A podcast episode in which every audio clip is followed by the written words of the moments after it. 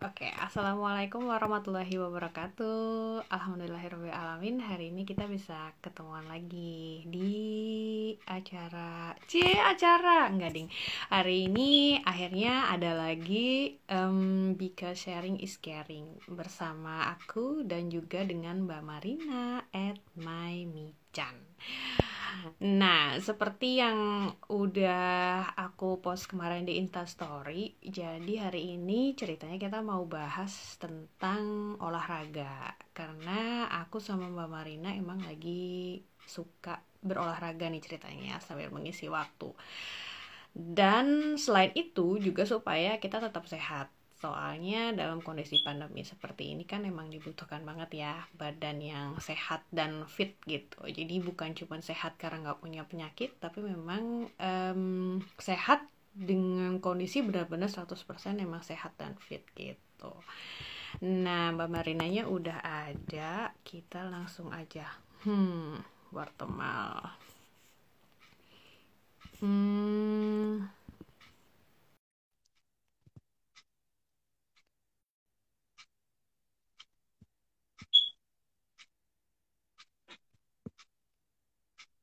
Buatan Auf.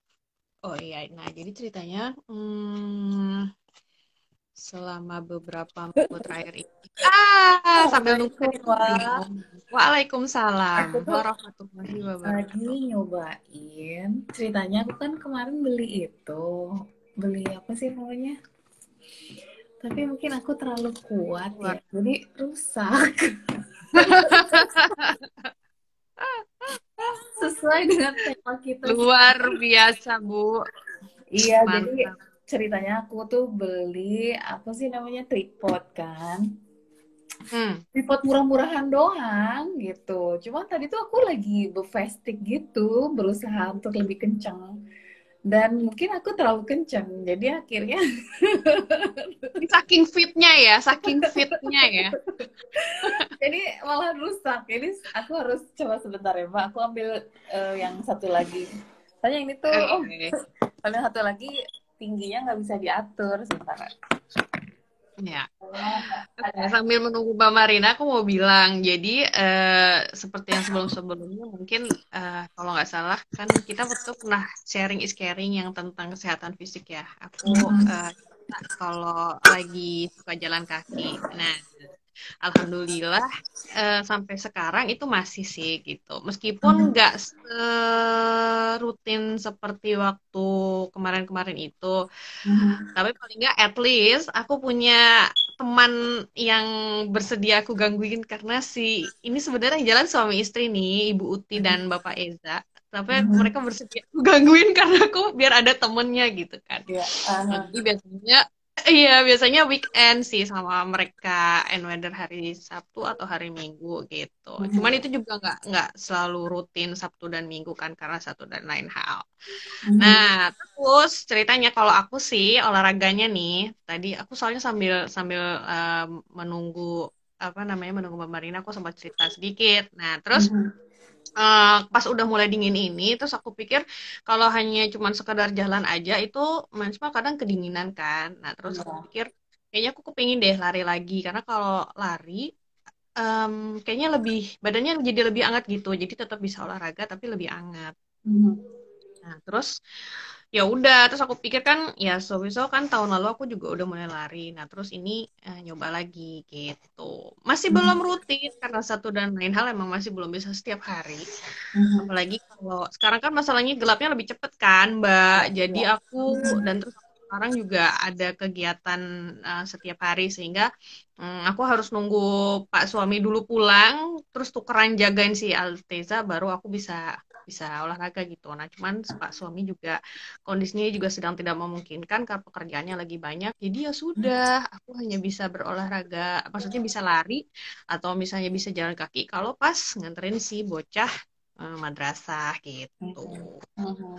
Tapi diganti juga sama ini sih, aku sekarang kan eh, naik sepeda ceritanya Mbak. Jadi kan mm, di tempat uh, di di Gottingen kan dia jalanannya naik ke atas gitu ya gunung lumayan. gitu jadi hmm. lumayan banget jadi aku dari Banhof ke apa namanya ke tempat aku kerja itu sekitar 20-30 menit tergantung kekuatan aku mengayuh sepeda hmm. itu jalannya naik gitu jadi entah kenapa eh, kayaknya orang tuh ngebalap semua. Aku padahal aku tuh udah mengayuh dengan kencang ya itu sepeda. Tapi ya. kayaknya aku tuh dibalapin orang. Aku seperti siput yang berjalan. Cuman tapi aku berasa banget sih waktu pas awal-awal kakiku tuh sempat nggak nggak sampai kram dan sakit. Mungkin karena aku udah sering jalan kaki sama lari kali ya.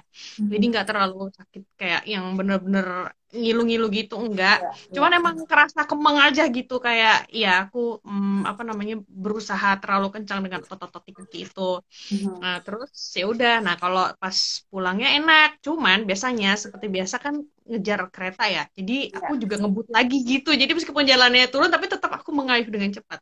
Jadi aku pikir oke okay, kalaupun misalnya aku nggak nggak setiap hari bisa lari ataupun bisa mengejar target um, jalan kaki itu ya terus aku udah diganti dengan mengayuh sepeda itu tadi gitu. Nah, terus hari ini aku pengen bertanya sih sama Mbak Marina gitu. Um, karena kan maksudnya ya sekarang kan emang eranya kan era kayak ya sosial media lah ya mbak gitu. Mm-hmm. dan uh, apa namanya segala sesuatunya itu bisa diceritakan gitu kan. Baik itu dalam bentuk video misalnya di YouTube ataupun misalnya dalam bentuk suara misalnya di podcast ataupun misalnya juga um, seperti foto-foto misalnya di Instagram ataupun juga di Facebook atau juga mungkin misalnya kayak melalui media tulisan gitu misalnya lewat blog Nah, nah itu, nah aku tuh kadang suka hmm, sebenarnya kepinginnya cuma sekadar berbagi sih gitu. Kalau aku maksudnya aku pengen bercerita supaya juga uh, teman-teman yang di luar sana gitu, misalnya memiliki situasi dan kondisi yang sama seperti aku, juga tetap tetap semangat gitu mencari-cari cara gimana ya dengan segala hmm, kesibukan baik di rumah, baik jaga anak ataupun mungkin juga kerja, tapi tetap bisa bisa tetap semangat untuk ayo keep keep spirit gitu supaya tetap bisa berolahraga dan tetap sehat.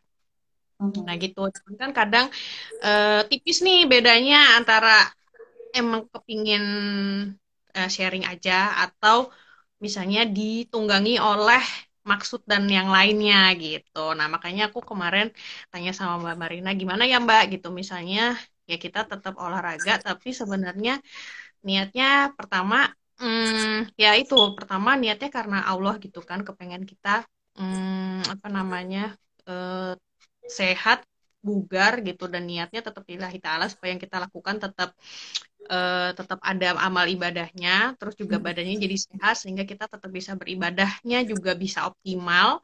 Terus habis itu juga kalau misalnya pun aku menceritakan itu aku nggak bergeser dengan niatku yang awal gitu. Itu gimana ya Mbak? Mungkin Mbak Marina bisa ada tips-tips dan saran atau cerita juga. Sebenarnya kalau aku aku ya Mbak ya. Uh, mm -hmm. Jadi kan sebenarnya dari dari kita hidup itu dengan era sekarang ya dengan hmm. dengan positif dan negatifnya gitu kan. Uh, dari dulu selalu akan ada sesuatu yang baru dalam hidup manusia gitu. Maksudnya zaman dulu juga zaman nggak ada smartphone ada radio gitu kan, ada TV, kemudian mundur lagi ada apa, ada apa. Jadi sebenarnya kan hidup manusia tuh selalu apa ya berkembang gitu kan termasuk mm -hmm. juga masalah uh, media ini gitu kan uh, walaupun memang berubah tapi ada sesuatu yang berkembang gitu ada satu lagi yang baru gitu kan uh, mm -hmm. jadi sebenarnya uh, kalau menurut aku gitu ya uh, apa pun yang sekarang terjadi gitu yang paling penting adalah uh, niat kita kepada Allah itu gitu kan. Jadi mau perubahan zaman kayak gimana pun itu jadi ada manfaatnya gitu. Kalau seandainya kita memang niatnya kepada Allah gitu. Pasti kita akan menemukan cara gitu bagaimana caranya kita beraktivitas menggunakan teknologi atau apa pun eh, kepada untuk eh, niat kita kepada Allah gitu. Itu pasti ada caranya gitu.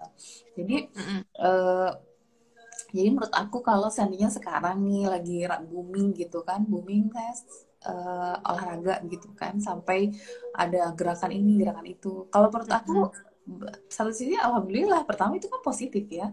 Itu kan positif bagus gitu orang jadi apa ya jadi melakukan sesuatu bersama-sama berjamaah gitu. Dalam artian iya. sekarang berjamaah tuh nggak hanya bentuk kita ketemuan aja gitu. Tapi dalam bentuk online dalam bentuk WhatsApp grup itu juga jamaah yang model yang sekarang gitu kan itu juga satu hal yang bagus gitu. Jadi menurut aku nggak masalah gitu. Terus tapi kalau seandainya niatnya misalnya hanya untuk uh, hype gitu ya hanya untuk ikutan keren doang gitu ya sayang gitu kan. Jadi kalau bukan masalah uh, gerakan itu sendiri atau bukan masalah apa ya sekarang jadi booming itu nggak masalah sebenarnya. Bahkan itu bagus gitu. Justru kan itu satu kebaikan terus jadi booming gitu. Alhamdulillah. mengajak kebaikan ya.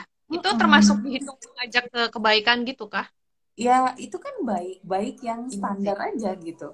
Ya kan? Mm -hmm. uh, uh, maksudnya uh, semua itu kan selama melakukan uh, mengajak kepada kebaikan uh, dan tidak ada sesuatu yang menyalahi aturan gitu uh, dari agama itu kan nggak masalah sebenarnya. Cuman yang jadi masalah itu uh, kitanya melakukannya karena apa gitu. Dan itu kan kembali kepada orangnya gitu. Sekarang udah tinggal kita mau ikutan nih mumpung lagi tren ya kita ikutan. Padahal sebelum tren pun harusnya kalau kita memang dari awal dari dulunya bergerak karena Allah tuh sebenarnya walaupun gak ada tren pun kita sebenarnya tetap ngerjain gitu. Nah, uh, cuman kalau sekarang nih gara-gara ada tren, kemudian kita ngerjain dan kemudian kita meluruskan niat, terus kemudian kita jadi tambah baik ya itu why not gitu loh. Kenapa juga enggak? Ya maksudnya ya alhamdulillah gitu. Jadi itu hanya kayak starting point doang gitu. Nah, tapi kemudian selanjutnya akan kembali lagi kepada motivasi dan niatan masing-masing gitu. Apa itu karena memang ngetren atau karena orang lain gitu. Soalnya kalau kalau karena Allah tuh kan eh, apa sih amalan kenapa sih karena Allah? Pertama memang itu jadi bersih gitu kan amalan itu dan kemudian jadi daur daur half gitu loh mbak kalau orang Jerman bilang sih dia akan terus gitu nggak terputus Hmm, itu yang membedakan gitu. Jadi kalau olahraga kita hanya gara-gara uh, lagi lagi booming, suatu saat kita akan berhenti ketika itu nggak booming. Tapi kalau kita karena Allah, mau booming mau enggak, ya jalan terus gitu. Dan itu yang akan menjadikan manfaat luar biasa. Aku terus terang ya, aku ngerasa banget. Dulu kan aku sakitan ya dari kecil. Jadi bisa dikatakan modal yang Allah kasih sama aku tuh dari kecil tuh udah yang nggak sama dengan orang lain ya. Jadi dari hmm. keluarga aku ada masalah paru-paru gitu kan, turun temurun. Nah, jadi papaku punya, aku juga punya gitu. Jadi dari kecil aku sakit ya kerjanya. Gitu ya, sakit paru, sakit bronkitis, sakit ah pokoknya macam-macam yang berkaitan dengan paru ya. Ya, jadi di situ aku sampai ya Allah kok aku sakit terus? Gini kayak gini. Aku nggak mau seperti ini gitu. Dan kemudian aku olahraga olahraga dan memang olahraga yang terus gitu ya. Rutin itu memang kerasa sekarang. Sekarang itu aku kalau olahraga nih bareng anak-anak yang masih pada lor aja mereka yang sakit gitu. Ya maksudnya uh, dia sepedahan sama segrup anak-anak student gitu Terus selesai ya. mereka pada sakit gitu ya. Aku yang bingung jadinya. aku kehilangan teman bersepeda gitu ya, karena pada tumbang. jadi jadi uh, apa sih itu kerasa sekali hasil olahraga yang terus-terusan gitu. Karena kita niatnya karena pada Allah. Karena kita niatnya pengen pengen bukan misalnya kalau dia tuh hanya sekedar kurus gitu, bukan itu gitu niatnya ke yeah. ke mana gitu? Kalau aku niat diet itu pengen bisa menjaga wudhu gitu. Jadi kan karena karena badan yang sehat. gimana gimana mbak? Aku kok tertarik? Coba coba coba coba gimana gimana gimana?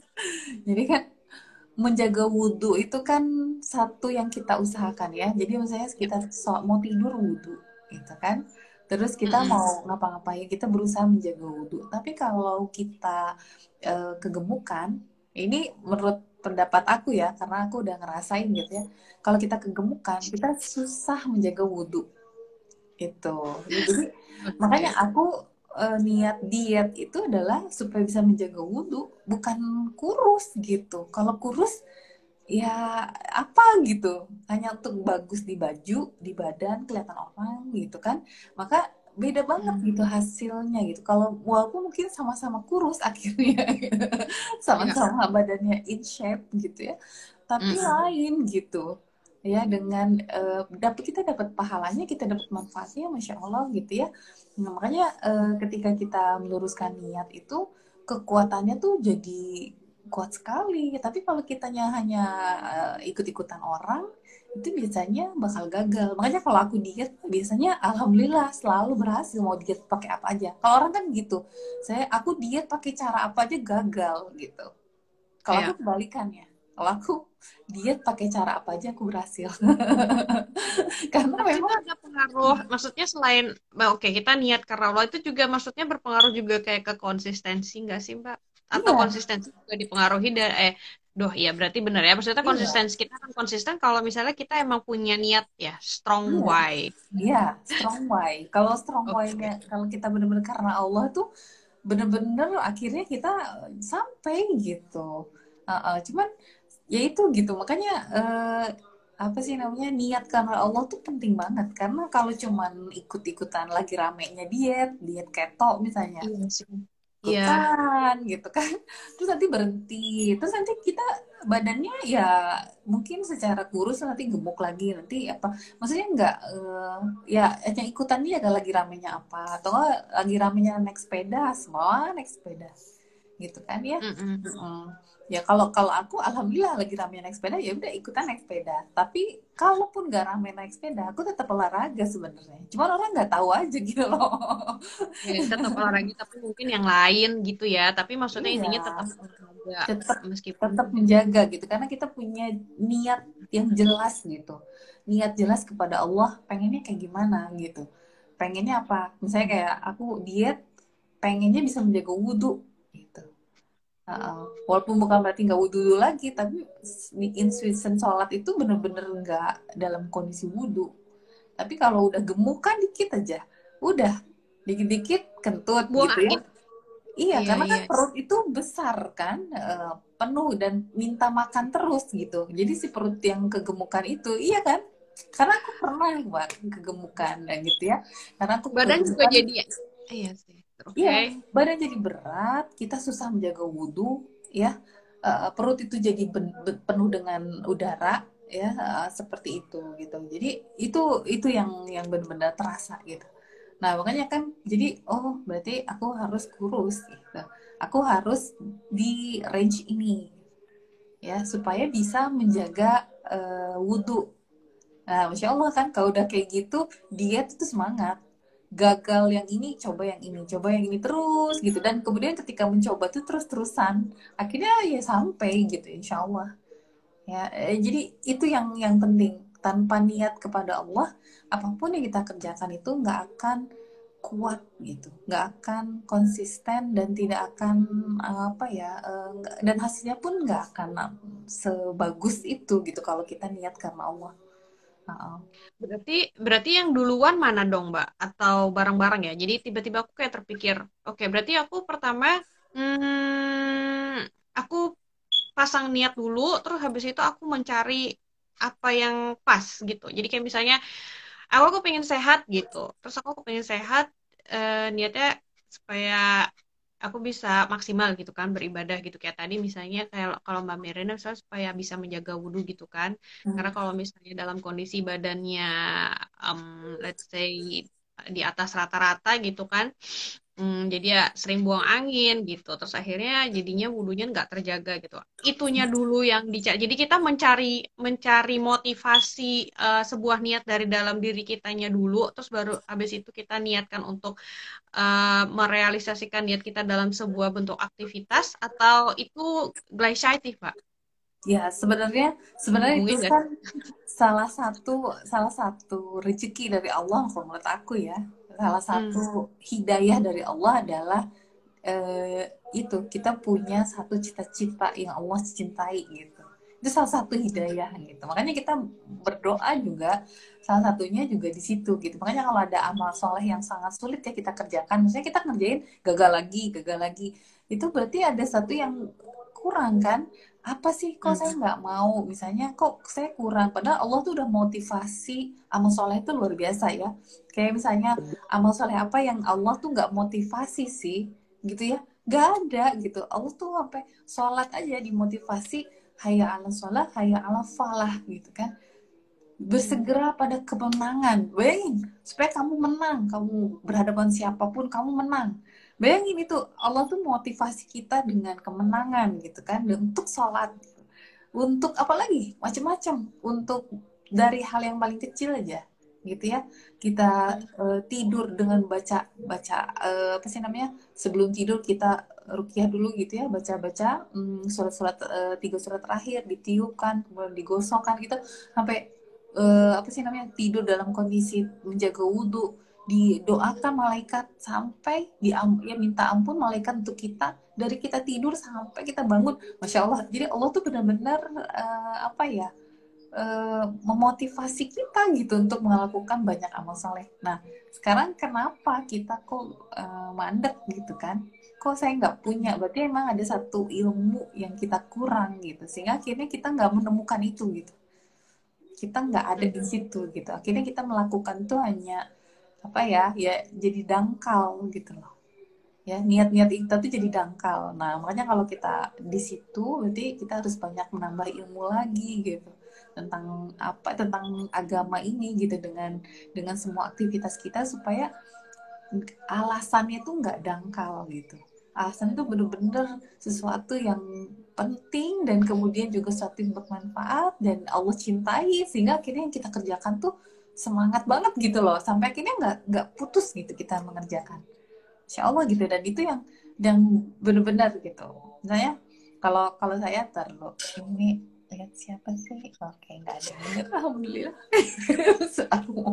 Misalnya kalau berolahraga gitu ya karena kita punya kewajiban untuk uh, beramal soleh itu banyak gitu ya. Oh saya harus menjaga ini dan saya harus sehat gitu. Iya betul uh, misalnya kalau ibu-ibu gitu saya tuh tanggung jawabnya banyak di rumah ya kan? Saya harus hmm. sehat gitu ya. Saya nggak boleh sakit gitu. tapi bukannya berarti saya nggak boleh sakit. Terus pas sakit dipaksain. Bukan gitu. Itu udah yes. itu ada yang salah dengan mindset kita gitu. Kalau kita kayak gitu gitu. Wah saya tuh nggak boleh sakit. Anak-anak butuh saya wah pas lagi sakit-sakitnya wah berusaha. Wah dihantem badannya sampai dia hancur-hancuran. Bukan gitu mindsetnya gitu. Kalau memang nggak boleh sakit ya olahraga dong gitu loh. Paham nggak? Ini nih cara berpikir yang kenapa iya sih tapi maksudnya kadang itu iya kan? Iya ya. sih Ya tapi balik lagi ke itu tadi berarti kan balik lagi ke si strong way itu tadi ya iya. kan? Iya. Uh -uh. Dia kenapa juga gitu? Kenapa sih eh, nggak uh, boleh sakit? Tapi kemudian dia malahan nggak olahraga gitu. Terus makannya nggak dijaga. Terus banyak lagi yang lain ya kan? Terus aku kena nih. iya nggak mau sakit tapi nggak nggak masuk akal gitu loh gitu ya maksudnya ya tapi kemudian pas lagi sakit dipaksa-paksain harus ngerjain harus ini itu harus masak segala macam sampai bener-bener hmm. dan yang lebih parah nih ya aku aku bukannya gimana soalnya aku kenal bukan di kalangan keluarga aku ya bukan di luar orang hmm. seperti itu gitu yang ya Eh, bagian dari keluarga gitu yang memang nggak bisa dikasih tahu mbak. Jadi dia berpikir ya beliau ini berpikir bahwa dengan begitu itulah pengorbanan dia. Dia menghancurkan badannya ya itu gitu. Karena untuk mengurusi saya keluarga. Itu aku udah yang sampai prahlos gitu loh. Maksudnya bener-bener ya Allah gitu. Maksudnya kenapa sih kalau memang amalan ini penting gitu ya untuk menjaga keluarga, ngurusin anak, ngurusin suami, ngurusin keluarga lah gitu ya. Sampai berkorban nggak apa-apa, saya lagi sakit, saya paksain, wah demi keluarga saya gini. gini. Kalau dia sakit, kalau dia hancur, siapa yang ini? Gitu kan? Uh, ya gimana gitu? Aku bener-bener serah loh sih. Maksudnya semua standar keamanan itu, saya kalau mbak naik pesawat nih, jadi sesuatu hmm. pesawat, terus harus pakai masker. Siapa sih yang dipakai masker duluan? Anaknya atau ibunya? Kita dulu. Ya, kita dulu gitu. Kita dulu pakai, baru anak, baru orang lain gitu. Itu itu standar ya logika sehat itu juga hal yang diajarkan oleh Al-Quran gitu kita nggak bisa menyelamatkan orang kitanya sendiri nggak punya ya tidak selamat. Ada di Al-Quran mbak. Ya itu kan sudah konsep ya konsep. Di mana misalnya misalnya surat al-mudassir gitu. Ya kumpa anzir warobaka fakabir baka fatwahid semuanya. Jadi ketika kamu memberi peringatan kepada orang ya kamu bersihkan baju baju kamu perbaiki amal soleh kamu. Ya ya nggak bisa kamu nyuruh nyuruh orang. Nggak ada istilah calo dalam Islam Silahkan. masuk sini masuk. Masuk surga. Sebelah sini sebelah sini. Terus dia tinggal di situ. Ya enggak itu kan calo iya. ya kan? Uh-uh. ya sehat sih ya ya mau masuk uh, surga lewat sini lewat sini. Ya. Yuk cus. Udah. Yang berikutnya gitu. Dia masuk neraka gitu. Nggak ada istilah itu gitu. Ya dalam dalam Islam nggak ada calo gitu. Ya yang okay. yang yang diminta adalah uh, orang yang sungguh-sungguh gitu mengerjakan gitu dikerjakan gitu kan hmm. jadi uh, itulah gitu uh, kita juga nggak bisa ke anak-anak misalnya ayo kalian harus ngaji sholat ayo ini ini ini ini kitanya nggak ngaji kitanya nggak sholat ya. anak harus sehat kita nggak apa-apa lah nggak apa-apa bunda ancur-ancuran sakit. Yang penting kalian sehat. Aku nggak mau sih mbak kalau kayak gitu. Soalnya ya, kan tapi kenyataannya itu yang dikerjain itu loh. Iya. aku aku udah ngeliat banyak soalnya gitu. Dan itu ya, bahkan di dalam keluarga aku sendiri dan sampai gregetan sampai dalam aku kalau si... ngantuk ya udah aku ngantuk tidur dulu. Kalau enggak nanti aku cranky. Bagian ngantuk doang mbak. bisa ya, kayak gitu. Ya jadi memang memang ya nggak bisa gitu. Kita harus sehat gitu. Kita kalau memang nggak nggak boleh sakit gitu ya jadilah orang yang hidupnya sehat gitu.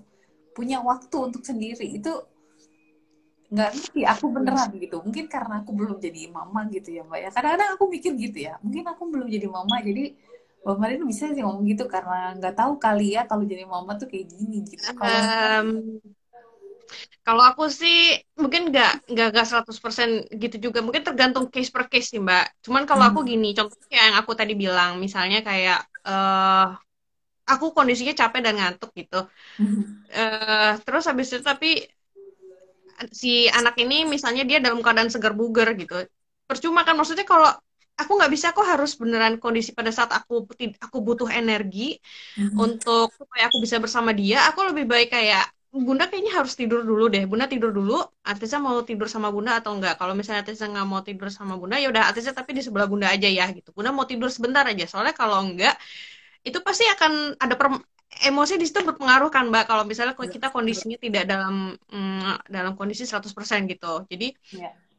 aku aku lebih baik seperti itu gitu. Contohnya juga kalau misalnya aku lagi sakit lagi pusing lagi apa segala macam misalnya dia minta sesuatu aku beneran nggak bisa ya aku akan bilang aku bunda nggak bisa gitu. Bunda nggak bisa bunda kepalanya sakit gitu. Bunda mau tidur dulu atau bunda bunda mau istirahat dulu gitu. Hmm. jadi mm, di satu sisi juga mengajarkan sama dia eh, bahwa bunda ini bukan super gitu bunda yeah, bunda yeah. manusia biasa gitu kan yeah. yang bunda juga sakit dan ketika bunda sakit ya kamu kamu juga harus mengerti dan mungkin kamu bisa menggantikan posisinya bunda kalau aku modelnya kayak gitu nggak bisa yeah. kalau misalnya yeah terus uh, ya karena itu pekerjaan maksudnya bukan karena itu pekerjaan aku ya maksudnya kayak misalnya aku harus masak uh, karena aku seorang ibu dan istri aku harus masak dan lain-lain tapi kondisinya tidak memungkinkan terus aku paksa-paksain gitu aku aku nggak bisa kayak gitu sih jadi aku meminta pengertian ke anakku dan suamiku karena kalau misalnya aku paksain Indian aku tetap akan ambruk juga kan gitu ya. jadi mendingan sebelum sampai aku ambruk dan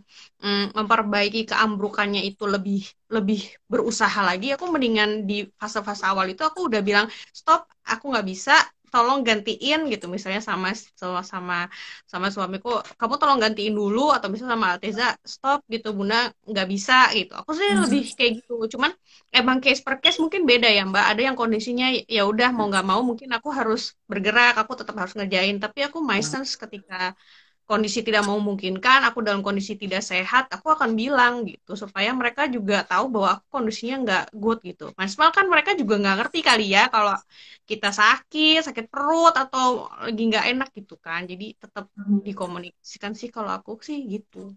Hmm. Oke, okay. iya, iya itu udah menurut aku udah bagus kayak gitu. Ha. Cuman kalau di bagian belas itu udah oke okay, mbak. Cuman yang mungkin kalau menurut aku kalau memang kita nggak mau sakit ya bukan memaksakannya itu ya alhamdulillah kalau udah nggak memaksakan hmm. tapi kemudian harus ada uh, street yang lain lagi gitu kan uh, uh, itu untuk sehat itu sendiri ya, ya benar tapi sebelum sampai sakit ya kita harus jaga kesehatan yeah. karena di mana pun juga kan apalagi yeah. kondisinya di sini gitu ya dan kondisinya juga maksudnya kayak pandemi seperti ini gitu kan nggak nggak bisa kalau kita nggak jaga kesehatan. Dan mumpung juga maksudnya kalau di Jerman kan pemerintahnya nggak melarang kita untuk keluar kan. Ada kayak di beberapa negara aku nggak tahu ya uh, uh, peraturannya kayak gitu atau enggak gitu. Yang kayak waktu pas kemarin pandemi yang uh, yang pertama kan beneran nggak boleh gitu kan nggak boleh keluar. Kalau di Jerman kan nggak gitu ya gitu. Maksudnya tetap masih boleh. Nah maksudnya ketika masih boleh ini ya keluar gitu. Misalnya berolahraga. Meskipun di rumah juga bisa sih olahraga gitu. Tapi kalau bisa sambil keluar mungkin menghirup udara segar gitu kan. Mungkin itu juga dilakukan. Ya. Hmm. Apalagi di Wonung kan kalau jeglok jeglok jeglok gitu kan kayaknya nggak asik ya kayak kayak aku nih di paling atas kan nggak bisa kalau loncat loncat jadi memang apa namanya memang lebih baik keluar gitu kalau kalau kisah hmm. kayak cuman yeah. tapi aku jadi mau nanya sih jadi misalnya kayak hmm, meluruskan niatnya itu mbak itu harus setiap saat kah atau e, gimana ya gitu kadang ini juga bukan cuma sekadar olahraga sih maksudnya untuk hal yang lain-lain juga gitu kan hmm, kayak misalnya aku e, olahraga awalnya niatnya ya udahlah aku kepingin bugar gitu kan maksudnya aku hmm. kepingin sehat aja gitu hmm. dan in shape lah maksudnya in shape uh, ya badanku udah terbiasa untuk uh, dengan um, apa ya aktivitas uh, uh, aktivitas fisik yang gak cuman sekedar uh, bergerak uh, apa namanya bergerak dengan aktivitas di rumah gitu tapi ada sesuatu hal yang lebih gitu kan dalam hmm. olahraga pertamanya aku cuma mau itu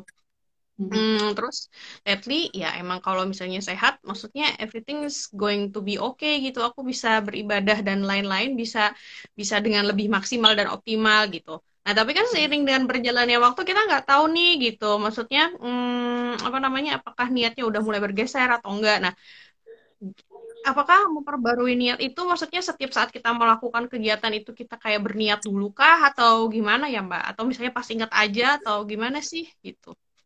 Kalau kalau aku sih uh, sebenarnya masalah niat itu kan dari awal kita udah punya yang saya oh saya pengen gini gitu. Kadang-kadang hmm. pasti akan akan geser. Tapi biasanya kalau kita memang biasa untuk uh, uber proof diri kita sendiri gitu, biasanya kita bakal merken gitu loh mbak. Kayak eh, kayaknya ini udah geser deh gitu. Uh, uh, itu itu pasti ada gitu hal, itu dan itu normal banget kita geser niat itu gitu karena memang kita tuh manusia biasa gitu kita pasti akan ada waktu-waktunya juga kita terpukul sesuatu kemudian oh ya baru sadar oh ya kayak eh, kayaknya Mbak Dia. Kayaknya apa sih namanya uh, kita udah geser niatnya gitu ya. Misalnya karena misalnya pengen olahraga gara-gara lagi hype aja gitu. Kalau nggak hype ya kemudian yang kita nggak olahraga lagi gitu. Tapi itu itu biasanya bakal ada juga momen di mana kita akan menyadari itu gitu. Selama kita memang memikirkan dan evaluasi terus gitu. Saya udah sampai mana nih gitu olahraga yang ini oke okay nggak yang ini gimana tapi kalau kalau menurut aku sih ya emang intinya itu adalah ya itu sering-sering evaluasi diri gitu jadi itu pasti bakal bakal ketahuan sih kalau kita niat udah mulai geser gitu jangankan jangankan pas sudah digeser jauh gitu. Kalau udah orang terbiasa untuk uh, apa sih namanya senantiasa evaluasi diri niat lagi geser cuman seperdikit aja itu pasti kerasa gitu. Eh kok udah kayak ada alarmnya sendiri uh, di badannya mm, kok kok aku kayaknya gara-gara ini deh kok jadi ini gitu. Nah tapi kalau kita nggak terbiasa untuk uh, evaluasi gitu ya apa yang kita kerjakan tuh dievaluasi lagi dilihat lagi atau enggak difikirkan uh, gimana sih efeknya dan sebagainya itu biasanya memang nggak kerasa mbak. Kayak nggak tahu ya tahu taunya baru udah jauh gitu kita baru sadar gitu. Lah kenapa aku jadi ke sini ya gitu? Padahal kan niatnya tadi gini dulu tuh niatnya begini gitu gitu kan jadi, jadi itu sih yang yang insya Allah uh, akan menjaga kita gitu asal kita terus terusan evaluasi lagi evaluasi lagi ya dan hasilnya pun bakal masya Allah sekalinya ada yang denger nanyanya kayak gini Banyak. Kalau kita bertiga nih live kita bertiga aja. Kayaknya kalau eh nggak tahu ding kalau uh, bisa kali ya nggak ngerti masa aku bukan iPhone mbak. Iya itu nggak ngerti juga aku. ya. ya, kita langsung ke pertanyaannya Dian aja kali ya. Ketawa dia. Hai Dian, terima kasih sudah bertanya. Eh, Mbak Mai nanya Rasulullah olahraganya apa jenisnya? Dijelasin nggak di Quran atau hadis dan periode durasinya? Aku aku aku tahu kayaknya. Yang gulat itu bukan sih gara-gara cerita apa ya? Oh, gara-gara itu sih boneka doll itu loh. Yang ngomong-ngomong itu loh, yang punya anak-anak apa sih? tahu aku, aku bukan. Itu ada ceritanya salah satunya tentang gulat-gulat gitu. Tapi aku nggak tahu deh yang lain-lain apa Mbak. Rasulullah tuh olahraganya apa, terus jenisnya apa? Jadi dalam Islam itu ya, kenapa sih olahraga itu penting gitu ya? Karena kita punya banyak tanggung jawab ya di hadapan Allah yang harus ditunaikan ya Ya, salah satunya adalah uh, kalau untuk laki-laki yang jelas itu masalah e, dengan jihad gitu kan. Bahwa kita Ya Allah, aku pengen dengerin ke seseorang nih. kita punya tanggung jawab untuk itu gitu. Ya, maksudnya terutama laki-laki ya. Kalau perempuan tuh masih ada syarat-syarat lah kapan itu tuh bisa jadi wajib gitu kan ya. E, berjihad itu jadi wajib gitu ya. Tapi tapi yang jelas Rasulullah itu uh, menggalakkan ke, uh, masalah kesehatan itu adalah ibaratnya gini kesehatan itu dalam kehidupan yang uh, Rasulullah ajarkan kepada kita itu udah kayak satu kesatuan gitu dari semuanya gitu. Bayangin, jadi jadi memang apa sih namanya uh, berusaha untuk sehat itu untuk memenuhi ya apa yang memang Allah minta itu aja. Karena kita kan uh, tidak diciptakan manusia ya dan jin kecuali untuk beribadah. Ya ilah. Mm -hmm. ya jadi uh, ya itu yang paling penting konsepnya gitu. Jadi sebenarnya kita harus sehat itu untuk supaya bisa beribadah kepada Allah. Beribadah kepada Allah tuh banyak. Dari urusan yang ya berjihad itu yang paling beratnya. Terus kemudian turun turun turun turun gitu kan. Sampai tahajudnya Rasulullah aja dalam sehari bisa berapa? Empat jam gitu kan. Berdiri bayangin. Itu kalau kita udah nggak sanggup gitu capek ya nggak sih? Capek. Gitu. nggak sanggup. Sejam aja udah ya kalau nggak biasa sejam itu udah capek berdiri sholat sejam gitu ya. Jadi ini kan itulah gitu ketahanan ketahanan itu buat apa gitu kan? Ya itulah gitu untuk beribadah itu. Makanya kita perlu kesehatan ya supaya kita beribadah pada Allah tuh kencang. Makanya para sahabat ikut berperang dengan Rasulullah itu sampai umur 90 pun ada. Berperang loh 90 kita umur segini udah pada jompo semuanya. Baru olahraga sedikit udah gini-gini pulangnya gitu kan. Karena memang ya gitu gitu. Ke kemampuan kita tuh fisik tuh udah luar biasa di bawah banget gitu. Nggak bisa dibandingin dengan para sahabat. Para sahabat semua 90 tahun masih bisa ikut berperang. Mana ada bisa berikut berperang cuma nonton?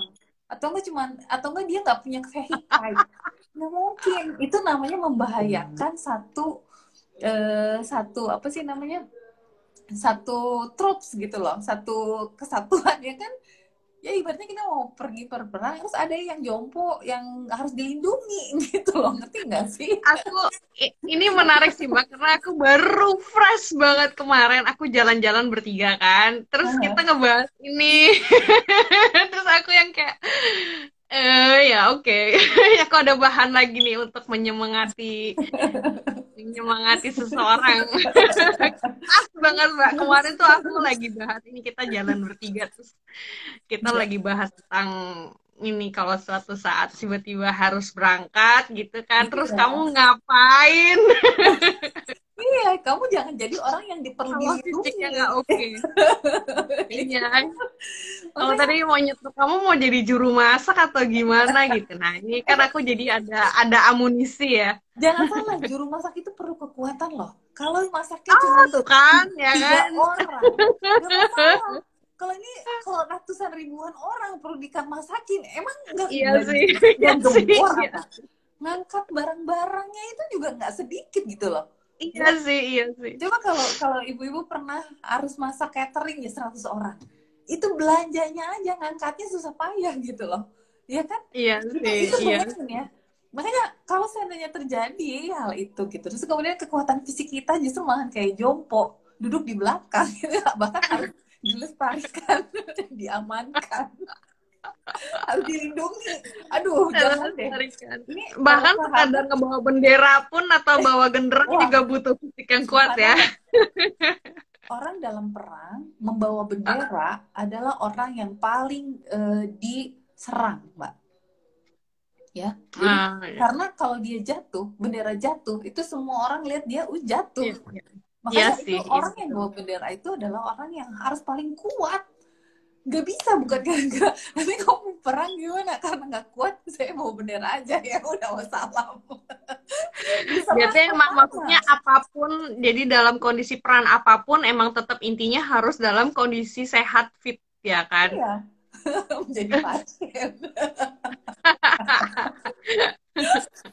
Iya jadi jangan sampai kita justru malah jadi orang ya itu gitu yang perlu ditolong, yang perlu dilindungi, yang perlu ya itu gitu kan. Ya ya itulah gitu ketika kesehatan kekuatan itu di zaman Rasulullah. Ya Rasulullah tuh perang dalam satu tahun tuh bisa sampai empat kali mbak. Bisa bayangin hmm. kan? Gimana coba? Itu ketahanan kita gitu. Gimana perang terus-terusan itu gitu. Ya capek sebentar istirahat berangkat lagi. Itu waduh kalau kita udah udah udah nggak keru-keruan gitu ya terutama yeah. tilawah gitu. Mungkin udah hilang-hilang ya karena tilawah aja zaman sekarang nggak ada perang tidur ketiduran ketidur ketiduran lagi ketiduran lagi. Iya sih iya karena, karena kita nggak fit badannya gitu loh. Jadi pas tilawah gue udah nggak fit lahir batin gitu ya. Ya badannya sakit ya ada jinnya juga jadi tidur terus.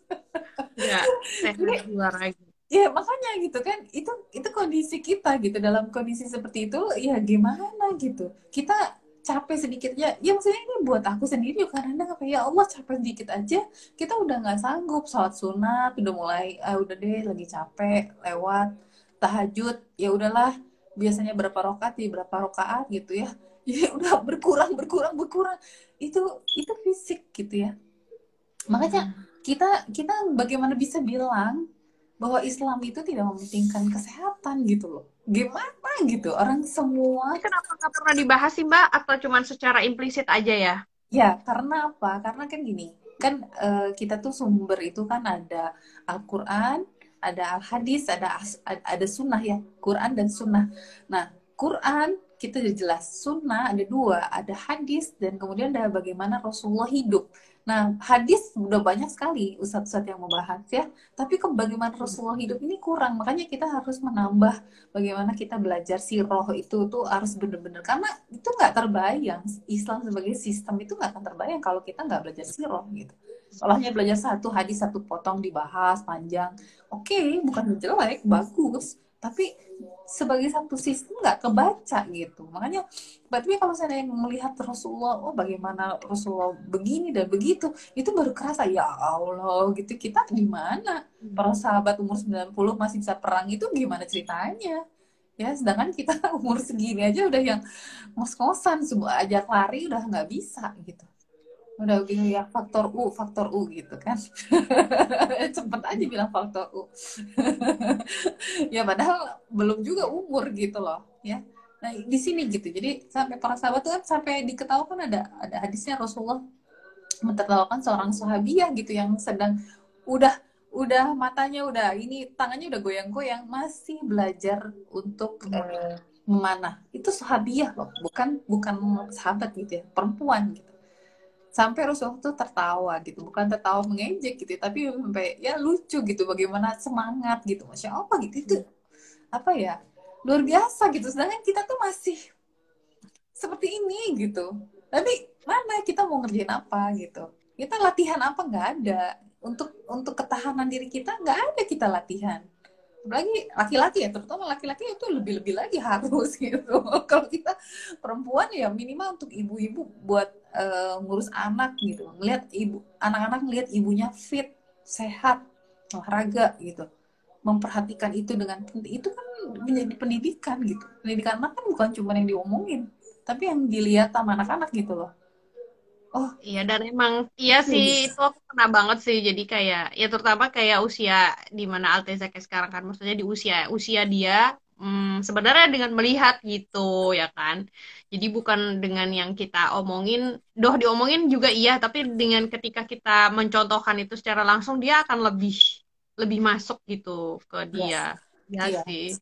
Dan jadi enggak kalau diomongin bukan dikerjain tapi ausage kan itu dua omong sama omong gitu kan. Kalau kita kerjain dia kerjain juga gitu. Ya, dia juga. itu kan reaksinya begitu kalau kita ngomong ya apa balasannya adalah omongan lagi saga gitu kan. Ah aku gini ah aku gitu gitu. Tapi kalau misalnya kita mengerjakan maka balasannya juga ya seperti itu aksi juga gitu loh gitu. Jadi jadi itu di situ gitu uh, apa sih penting sekali. Jadi olahraga tuh menurut aku sangat sangat penting gitu ya. Jadi harusnya uh, bahkan kan kalau di Madinah dulu ketika Rasulullah tuh datang ke Madinah gitu ya kemudian Islam tuh uh, gitu ya di Madinah gitu. Itu sampai dokter-dokter pindah dari Madinah. Kan tidak ada lagi pasien gitu loh. Mereka nggak laku gitu ada ada di, jadi kalau sampai dokter laku itu udah yang salah gitu sebenarnya Iya. Halo, Mbak. iya. Jadi orang Islam itu harusnya jadi dokter buat orang-orang kafir gitu orang Islam ini sehat, nggak ada, nggak perlu dokter gitu. Jadi kan yang, yang jadi masalah kan kita udah tidak hidup sebagai seperti orang Islam gitu, seperti yang Rasulullah ajarkan ya masalah kesehatan ini udah panjang. Dari makan aja kalau ngikutin Ustaz Zaidul Akbar Akbar gitu gimana hmm. cara makan? Waduh masya Allah gitu ya. Kita sendiri belum bisa kan mengikuti sampai seperti itu ya. Belum lagi nanti masalah olahraga gitu. Olahraga yang kayak gimana gitu. Yang sampai benar-benar bisa menjawab tantangan yang Allah berikan dengan ujian-ujian dengan perintah-perintah. Itu kan seperti itu gitu Nah, itu yang makanya yang kita uh, harus pikirkan gitu setiap hari gitu ya. Tidur bisa sedikit, tapi lifestyle bisa tinggi ya. Nah, sekarang kan zaman sekarang dibuat begitulah gitu ya. Nah, terus Rasulullah tidur pendek gitu. Nah, kita ya, sanggup gitu ya.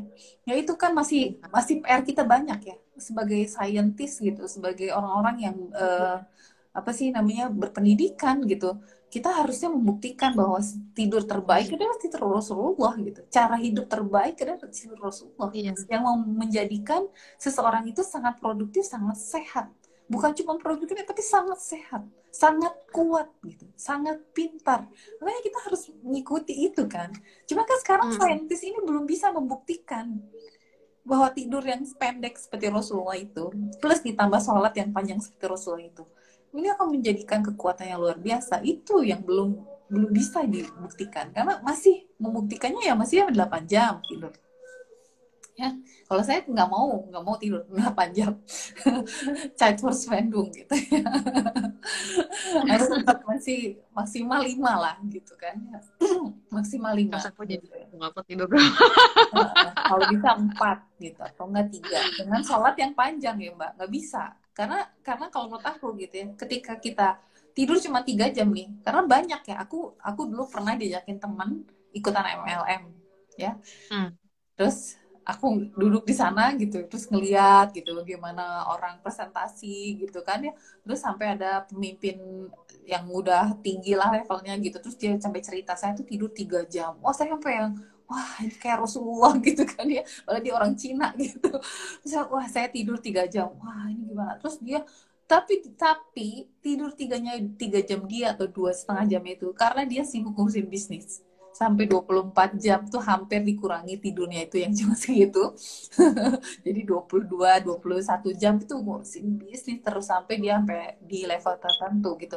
Terus saya mikir gitu, orang bisa aja semua orang tidur cuma tiga jam dua jam ya atau empat jam gitu. Tapi apa yang membedakan orang lain dengan Rasulullah gitu? Oh sholatnya. Rasulullah tuh ada sholatnya. Dan ketika kita tahu oh ternyata sholat itu efeknya luar biasa ya sholat tahajud itu ya pada kita. Pada badan kita pada fisik kita pakai pada hati kita gitu kan ya pada mental kita gitu. Jadi bisa jadi oke okay, tidur segitu tapi sholatnya segitu gitu loh oke okay, syaratnya oke okay, silakan tidur cuma tiga jam tapi sholatnya juga ya tiga jam gitu loh. Jadi berimbang jadi badan kita tuh bener gitu. Kalau cuma tidur tiga jam terus akhirnya pas bangun loncat langsung ngosek kamar mandi itu ya.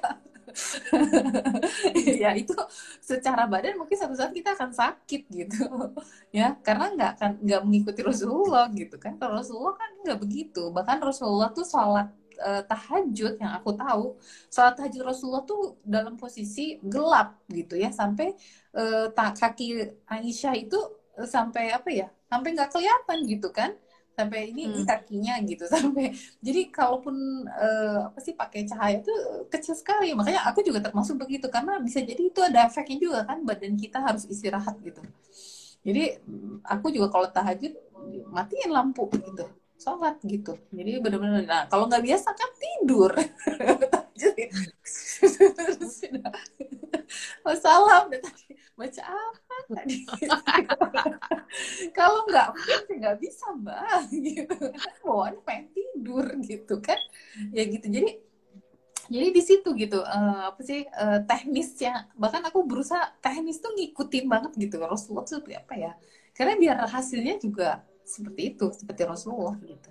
Ya termasuk tapi apa namanya terkait dengan pertanyaannya Dian tadi tapi nggak pernah ada yang menceritakan atau menyebutkan uh, Rasulullah itu maksudnya uh, apakah mengalokasikan waktu untuk um, olahraga itu juga gitu. Nggak ada ya? Nggak. Ya aku... sejauh aku itu nggak. Karena kehidupan Rasulullah dan para sahabat itu dengan dengan latihan perang dengan itu tuh udah kayak udah ya. tak aja loh Oh, oke okay, oke okay, oke okay, oke. Okay. Nah, tuh tuh Mbak Mbak Dian bilang tuh, sampai tahajud jangan melatonin tetap diproduksi karena gelap ya. Nah, bisa jadi begitu, Allah malam. Tapi yang jelas kalau aku ngikutin juga udah pokoknya tahajud ya. Kalau kita gini, tahajud supaya nggak nggak ngantuk, lampu nyalain semua. Nggak ngantuk sih, kadang tuh takut. Itu juga ada yang masalah berarti kan dalam. Iya. dalam keimanan kita kalau takut itu ada yang salah gitu. Iya sih. Uh. Pasang rukia ada di rumah gitu, bacain Quran. Karena memang harusnya kan nggak takut gitu. Yang takut tuh harusnya ya itu gitu. Iya, yang itu yang takut. yang harusnya takut sama kita. Kita kan uh, kita tuh khalifah, pemimpin. Ya, jadi kalau kita masuk dalam satu ruangan, Mbak, ada jinnya, kan kita khalifah, maka dia yang pergi, Mbak ya tapi kalau kitanya beriman ya kalau jin yang ngeliat kita nggak beriman wah ini teman saya kata dia gitu. Ketemu lagi dia gitu. Ya udah dia di situ aja. Kan itu yang repot gitu. Karena si jin merasa berteman sama kita nasi blame dalam. Ini masalah. Jadi akhirnya kita masuk satu ruangan ini kayaknya ada jinnya gitu. Yang karena kitanya emang teman sama dia gitu kan. Ya itu yang jadi masalah kalau misalnya kita kita benar-benar uh, keimanan kita lurus gitu kita tuh khalifah gitu. Dia yang dia yang takut gitu. Kita bahkan memimpin alam semesta tuh kita gitu kan. Mm-hmm. langit dan bumi itu kan akan diwariskan kepada orang-orang soleh gitu ya nggak ada nggak ada alasan gitu. Kita harus takut. Dia yang harus takut sama kita gitu. Jadi ya santai aja gitu. Santai aja lewat aja gitu. Ya apa gitu. Di rumah ini ada gini? Emang kenapa? Ya dia pindah dong. Gue mau masuk sini gitu kan. ya harusnya harusnya gitu gitu. Ya saya jadi di situlah gitu uh, hal-hal yang kita harus uh, yakini gitu bahwa bahwa sebenarnya Islam itu memang sudah masya Allah sempurna dan hasilnya dengan kita mengikuti ya, kita menjadi orang Islami itu adalah benar-benar orang yang menjadi khalifah itu kekuatannya ya kepintarannya kecerdasannya ya. Jadi tuh itu benar-benar membuat kita uh, memimpin gitu ya orang tuh udah ngeliat kita tuh ini ya ini emang top semuanya gitu. Harusnya gitu. Dari secara fisik secara kemampuan ability gitu ya. Itu semua. Jadi kalau ada yang belum top itu dari diri kita. Oh berarti itu bearbaitan buat kita. Ya dari bukan hanya bearbaitan secara oh saya harus usaha ini usaha itu. Bukan cuma itu doang tapi termasuk dari dari keimanan juga gitu. Hmm. Diluruskan lagi ditambah lagi pemahamannya. Insya Allah coba waktunya udah habis mbak. Iya waktunya kayaknya udah mau habis deh sebentar aku lihat ya. Ya beberapa menit lagi. Mungkin uh, apa namanya supaya kita ngerti endingnya nggak buru-buru mungkin aku mau menegaskan lagi. Jadi intinya uh, olahraga itu sebagai kita sebagai umat muslim itu penting banget ya mbak. Karena kalau hmm. kita uh, olahraga kita bisa apa namanya kita bisa sehat gitu kan. Sehat dalam artian bukan sekedar nggak punya penyakit tapi memang kondisi badan kita itu fit bugar gitu kan. Dan kuat sehat bener-bener sehat gitu. Uh, dan itu akhirnya bisa membawa efek dampak dengan uh, kita dapat beribadah dengan lebih optimal dan maksimal gitu ya dan supaya hmm. tipsnya adalah supaya uh, kita berolahraganya juga bisa konsisten gitu kan. Kita kembali lagi meniatkan olahraganya itu untuk lagi-lagi untuk Allah gitu. Balik lagi ke Allah dan hanya untuk Allah gitu. Sehingga apa yang kita lakukan uh, olahraga yang kita lakukan itu ya bisa lebih apa ya bisa lebih bisa menjaga konsistensi gitu bisa bisa lebih tercapai gitu apa yang tujuan yang kita uh, mau dan khususnya utamanya adalah supaya kita bisa uh, terus mengumpulkan amal ibadah gitu. Kurang lebih kayak gitu berarti ya Pak. Ada lagi yang mau ditambahin nggak Mbak Marina? Aku senang banget. Iya akhirnya kita bisa ngobrol akhirnya kita bisa ngobrol lagi. Walaupun temanya ini termasuk agak ringan juga ya gitu ya alhamdulillah. Iya. ya mungkin iya, tambahannya ya, apa ya Betroven sih buat aku Betroven. Karena kan aku emang hmm. jadi lagi lagi memaintain nih gitu. Ada ya aku supaya emang Masa. supaya sehat gitu supaya bisa maksimal. Diukur, soalnya kalau nggak aku bisa berantakan sih. Dan ini ngebantu banget apa namanya dengan berolahraga ini ngebantu banget gitu. Makanya aku hmm. pikir eh, tapi supaya mungkin lebih uh, optimal mungkin aku harus bertanya sama Mbak Marina kan gimana caranya supaya olahraga yang aku sedang niatkan untuk jalan ini bisa uh, apa ya ya di jalan Allah lah gitu hmm.